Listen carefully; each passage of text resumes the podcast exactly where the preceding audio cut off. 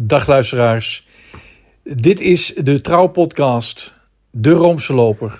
Wij zijn weer terug van weg geweest na een lang zomerreces. Mijn naam is Christian van der Heijden. En mijn naam is Stijn Vens. Stijn, dit is onze honderdste aflevering.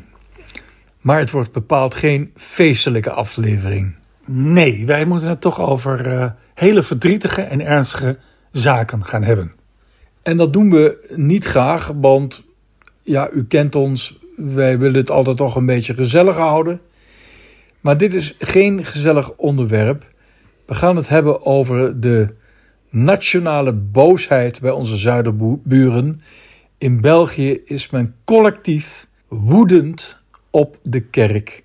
En vele katholieken staan gereed om zich te laten ontdopen. Ja, dat heeft te maken met de serie van de VRT. VRT Canvas, God vergeten over het misbruiksschandaal binnen de Rooms-Katholieke Kerk in België. En deze documentaire serie is goed bekeken en heeft echt gezorgd voor ja, diepe verontwaardiging, woede, verdriet. De serie is door de regisseur en de makers gebaseerd op het verhaal van Rick Devilé en al zijn onvermoeibare uh, inspanningen voor slachtoffers van, van uh, seksueel misbruik door uh, katholieke clerici en kloosterlingen. Ja, nou, kijk, het, het rare met seksueel misbruik is altijd. Um, je denkt soms, het, het onderwerp is even weg. Maar ik heb zelf seksueel misbruik wel eens vergeleken met een veenbrand hè, binnen de katholieke kerk. Het vuur smult nog steeds en af en toe laait dat op. En dat kan te maken hebben met een nieuw schandaal, maar dat kan ook te maken hebben met zo'n televisieserie. Kijk, veel van wat we in die serie zien, dat bij getuigen, slachtoffers, daar zijn komen bisschoppen aan het woord, heel veel archiefmateriaal. Rick Defilé komt uitgebreid aan het woord. Veel van wat we daar horen wisten we al, maar het is ook de kracht van het beeld, denk ik. Kracht van de muziek, het beeld en het op een, moet ik zeggen, weergeloze manier uh, vertellen van een verhaal. Dat het opnieuw keihard binnenkomt, ook bij zoveel mensen in België. Ja, en we zien ook slachtoffers zelf in beeld, die overigens door de makers worden, uh, die, worden goed verzorgd. Tenminste, dat heb ik zo begrepen. Door de makers, want zij zijn bijgestaan door een team van therapeuten. Wat ook zeer uh, aangrijpend is, is dat we nu op televisie ook het relaas horen en zien van het neefje van de voormalige bisschop van Brugge we kunnen eigenlijk niet zeggen emeritus bisschop, want emeritus, daar zit toch iets van, van ja, in, in, eigenlijk een eretitel, hè, zou je kunnen zeggen, een gepensioneerde titel, maar, maar eigenlijk met de ex-bisschop, die nog steeds in het bisschopsambt zit, Roger van Geluwe. Die zijn neefje seksueel heeft misbruikt, jarenlang. Daarna nog gepoogd heeft om een ander neefje uh, te misbruiken. Zo heeft hij zelf een keer in een interview verteld. Maar die ene neef, die zien we dus ook in deze dramaserie. En dat, dat is zeer aangrijpend. Het is vooral de schaamte. Die, die doet dus zwijgen eigenlijk. Ik ben maar op mijn dertigste bij spreken. Dus ja, dat alleen al. Dertig jaar woordeloos en sprakeloos. En, ja. Staan eindig.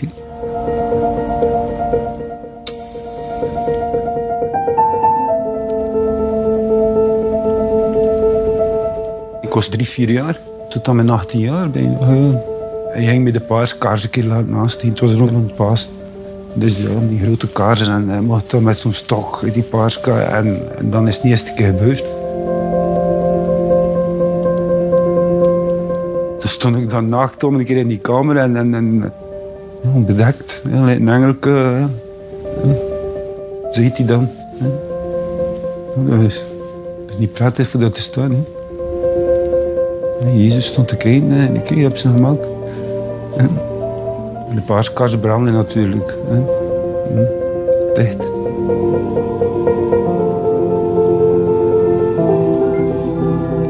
Ja, dus een onkel die bisschop is.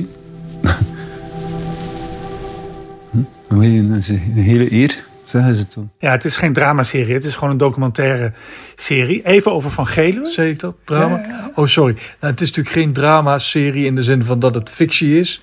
Maar het is non-fictie over een drama. Ja, even over die Roger van Geluwe. Dat was een, eh, de bisschop van Brugge.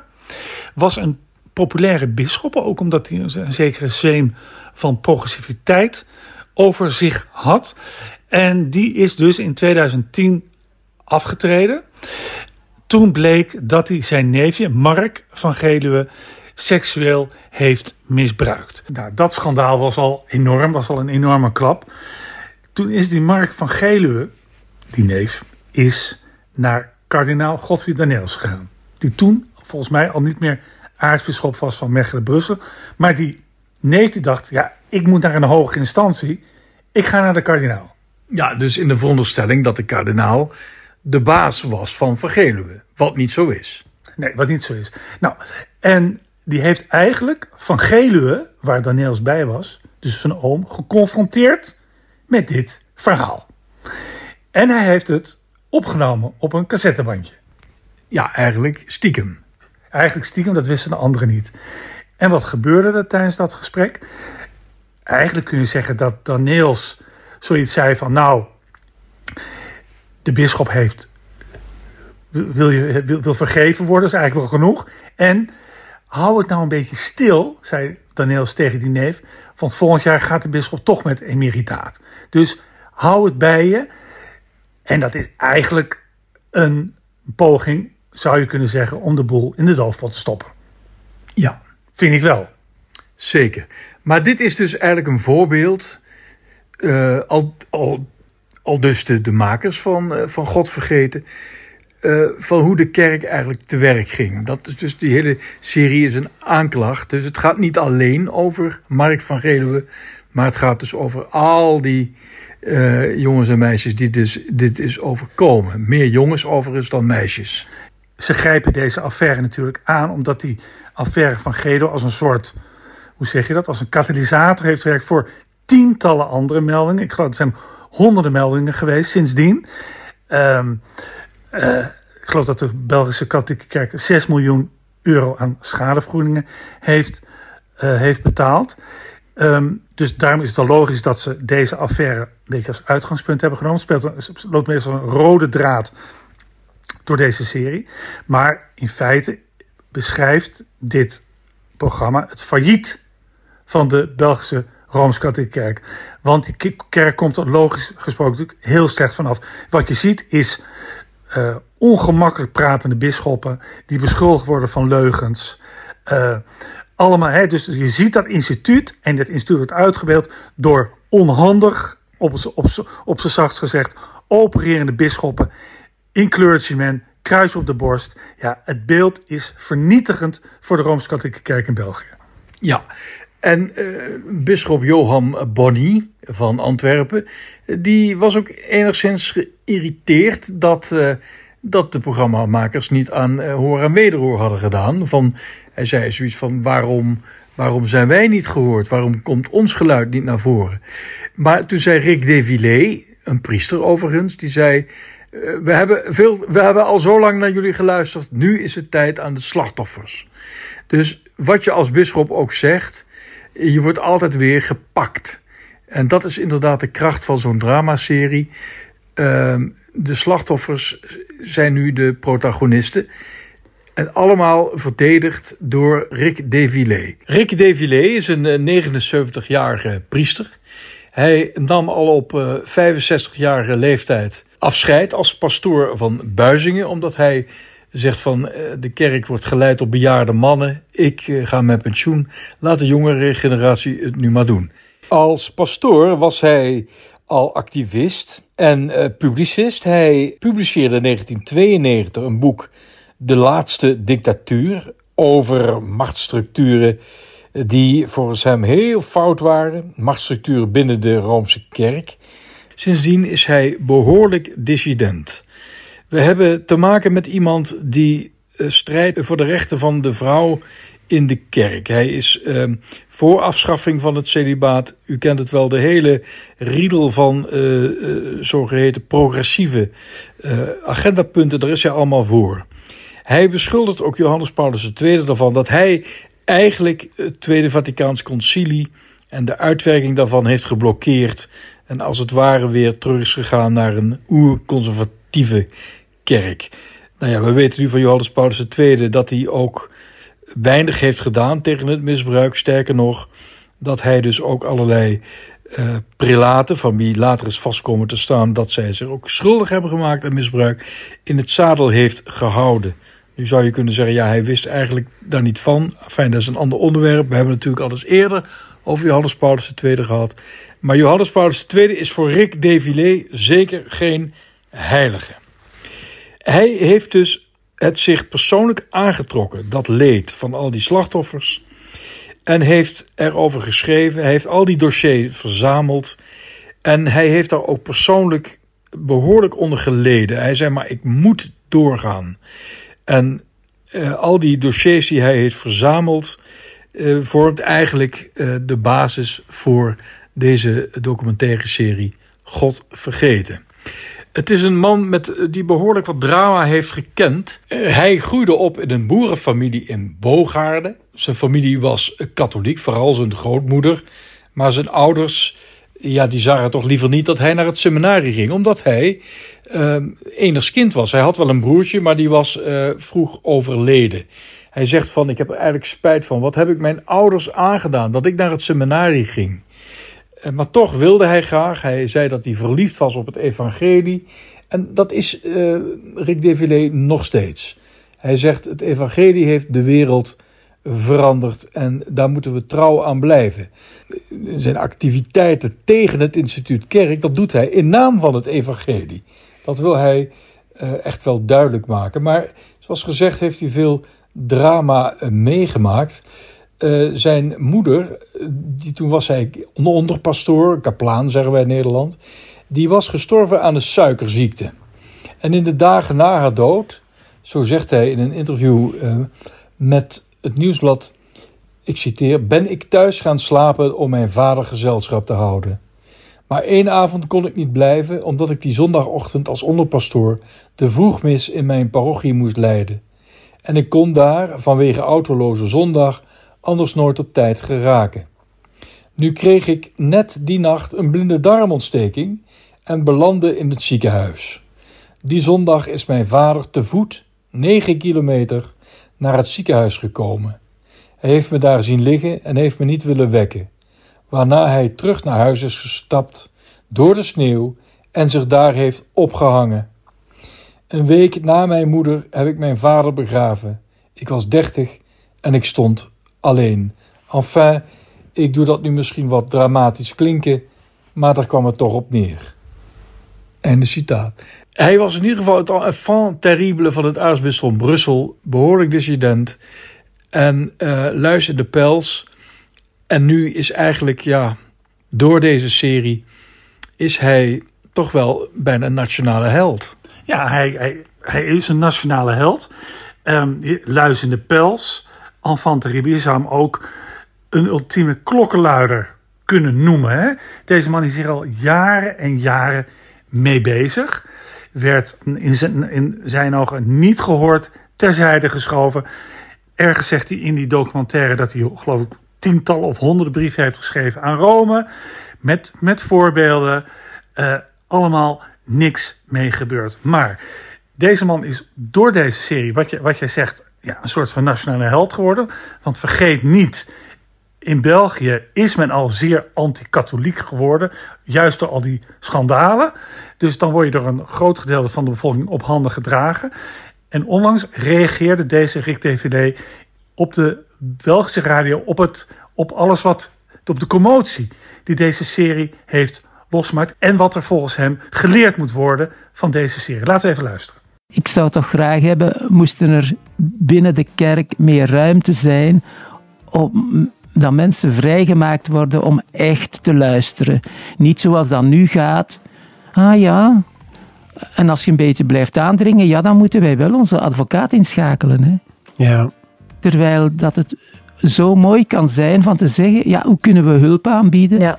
Ik vond het zo mooi met de voorbereiding van God Vergeten, dat ze hier, zonder dat wij dat gevraagd hadden, therapeuten hadden vrijgemaakt. Twee therapeuten die de hele dag daar waren. Ik heb in de kerk nooit geweten, Ja. als wij een actie deden of iets. Ja, we zullen wel voor een wat begeleiding zorgen als er problemen zijn. Nee, dat was altijd, en nu vandaag weer, ja, eh, onze advocaten. oh, Ja, Stijn, ik heb dus ook het interview met Davy gelezen. Dat is verschenen in het eh, Vlaamse blad Knak. Eh, daar zegt Davy tegen de interviewer...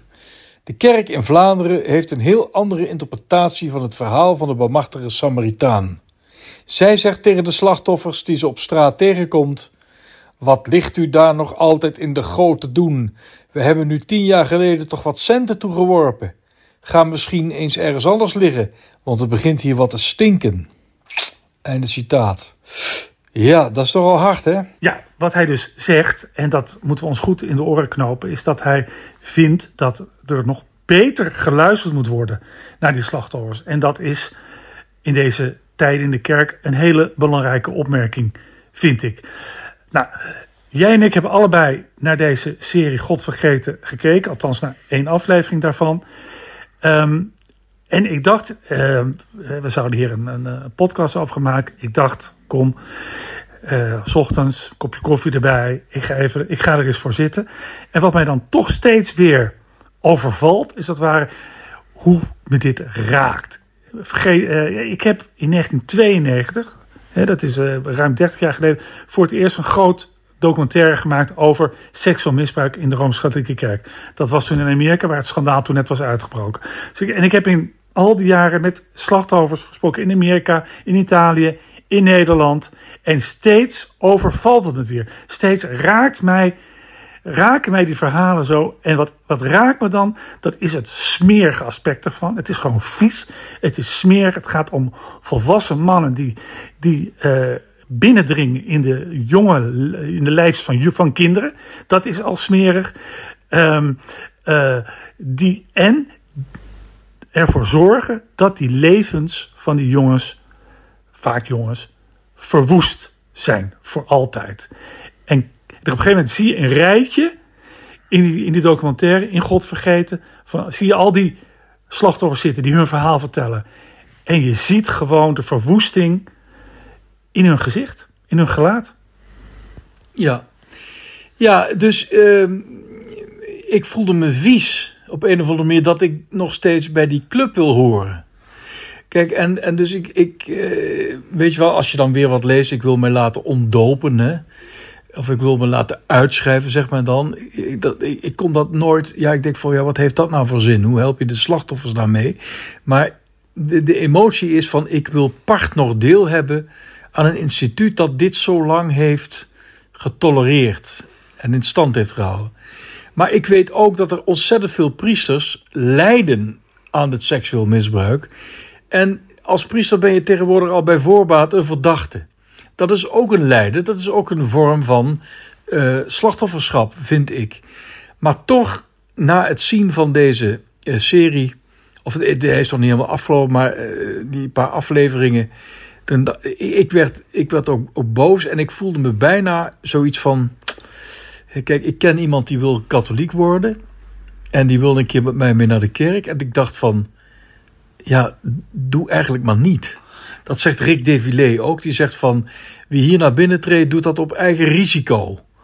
Van, het is hier niet veilig. Dat gaat mij dan weer te ver. Want eh, ja, de, de tijd van dat institutionele misbruik... we hebben niet meer zoveel katholieke jongensinternaten en zo. Maar toch, ja, ik, ik, eh, ik schaam mij kapot. Nou ja, ik schaam mij ook kapot. Het is om te janken gewoon. Ja. En dat, dat, dat, het is verschrikkelijk. Eh, jij hebt het nu over die, die grote meerderheid van priesters die zich gedragen en die hieronder lijden. Ja. Zal maar zeggen, 98, en zeg, wat is het? 97, 98 procent van de priesters. Diezelfde vraag, wat, moet, wat, moet je, wat kun je die mensen iets aanrekenen? Of ja, wat moeten we met al die priesters die dan wel goed functioneren?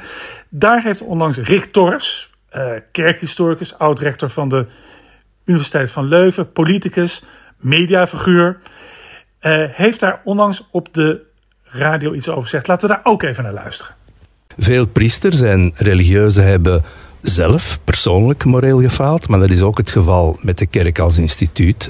Men heeft uh, niet genoeg uh, gedaan. Dat is vanzelfsprekend niet adequaat gereageerd. Zeker in de jaren negentig bijvoorbeeld, uh, toen in de Verenigde Staten al heel wat schandalen naar boven kwamen, is ook onze kerk in gebreken gebleven. Ook kardinaal Daniels, ik wil hem uh, niet, laten we zeggen, natrappen nu hij overleden is. Niet goed maar hij heeft inderdaad ook heel slecht uit. En zware fouten zitten, gemaakt. Hè. Dat is absoluut juist en daar wil ik ook heel helder in zijn. Dus dat is duidelijk.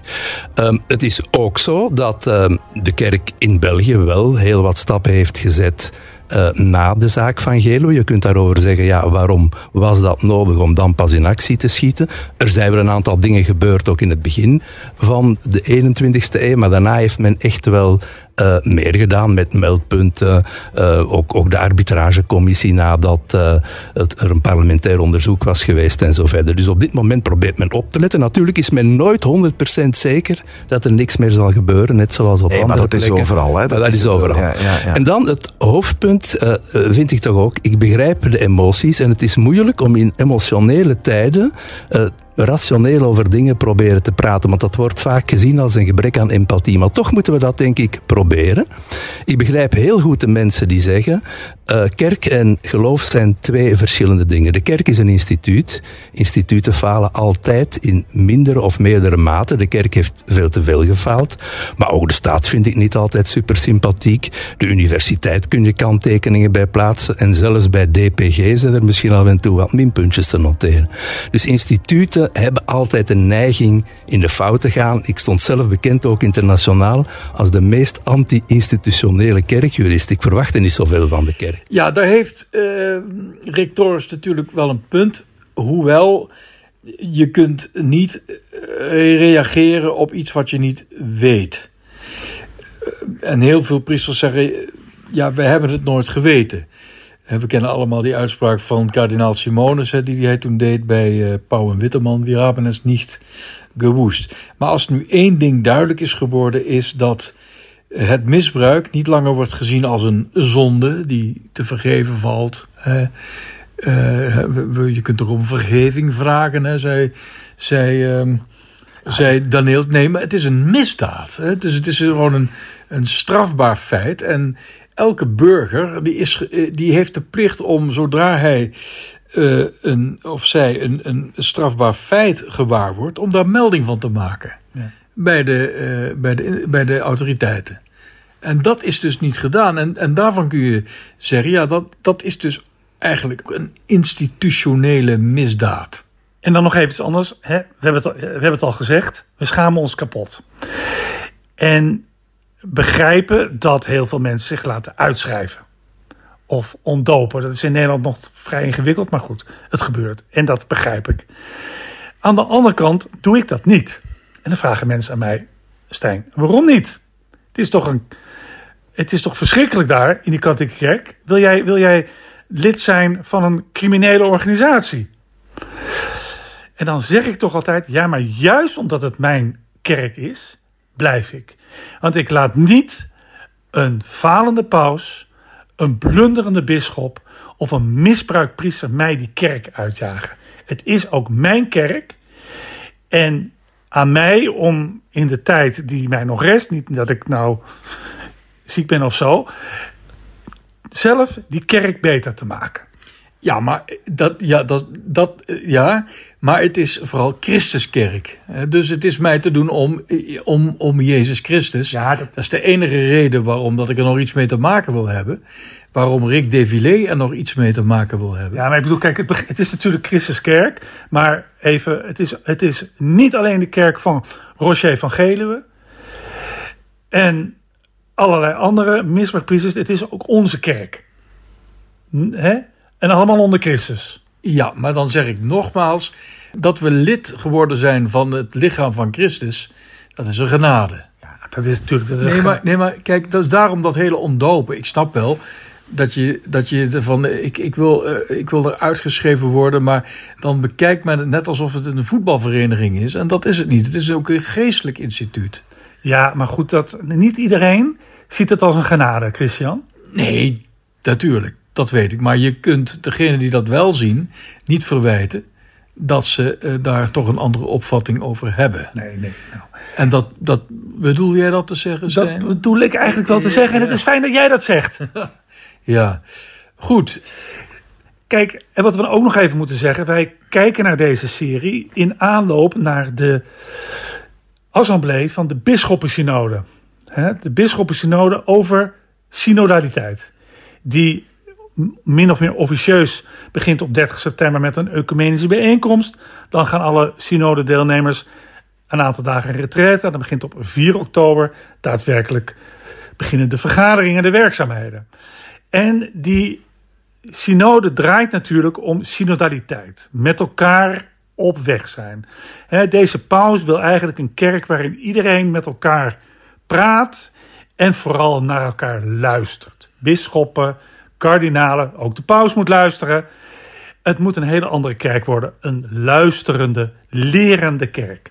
En toen dacht ik even nog terug aan die uitspraak van Rick DVD uit dat radiofragment. We moeten beter luisteren naar slachtoffers, zegt hij. Dus in die zin zou je kunnen zeggen dat die hele synodaliteit, we willen eigenlijk naar een andere kerk gaan, misschien toch wel het gevolg is, of een mooie uitkomst zou zijn van deze verschrikkelijke schandalen. Zoiets van eh, God schrijft recht op kromme lijnen. Nou ja, in, in Duitsland proberen ze dat natuurlijk. Hè? In Duitsland heb je ook, dat is een beetje verwarrend. Hè? We hebben dus het synodaal proces wereldwijd. Zeg maar, geleid door de paus, om maar even populair te zeggen. En los daarvan waren eigenlijk de Duitse katholieke bisschoppen, Rooms-Katholieke, al begonnen met een synodale weg, ingegeven door eh, de misbruiksschandalen in Duitsland. Die dachten eigenlijk, nou, het is zo verschrikkelijk wat er gebeurd is, er moet eigenlijk een andere kerk komen. Ja, dus de geloofwaardigheid, eh, zo stelde men vast, is eh, fundamenteel aangetast.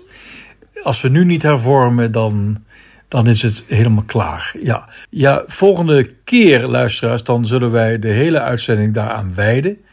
En dan komen ook allerlei key players aan bod. Nee, de vraag is eigenlijk dat eigenlijk, als je die twee synodale wegen, om het nog maar zo te noemen, dus het grote synodale proces van, geleid door de paus, en de synodale weg in Duitsland. Die Duitsers zeggen eigenlijk, je moet al die structuren die in, die in hun ogen verantwoordelijk waren voor dat misbruik of voor het in de doofpot stoppen van het misbruik, die moeten weg. Terwijl de paus eigenlijk zegt, nee, we moeten een ander, binnen die structuur een andere kerk worden. Nou, de vraag is nu, eh, wat gaat gebeuren? En wat nu werkelijk nodig is om te zorgen dat er dit soort verschrikkelijke dingen zoveel mogelijk worden uitgebannen. Ja, ik weet het ook niet. We wachten het af eh, tot een volgende keer. Het was geen gezellige uitzending, maar we konden het ook niet laten liggen. Zo is het, Christian. Slaap lekker. We worden dagelijks overladen met overbodige informatie. En het is moeilijk de zin van de onzin te scheiden. Daarom vertrouw ik op echte journalisten in plaats van meningen. Een krantenmens heeft het gemakkelijk. Word ook een krantenmens en lees je favoriete krant nu tot al zes weken gratis. Ga snel naar krant.nl. Bezorging stopt automatisch en op deze actie zijn actievoorwaarden van toepassing.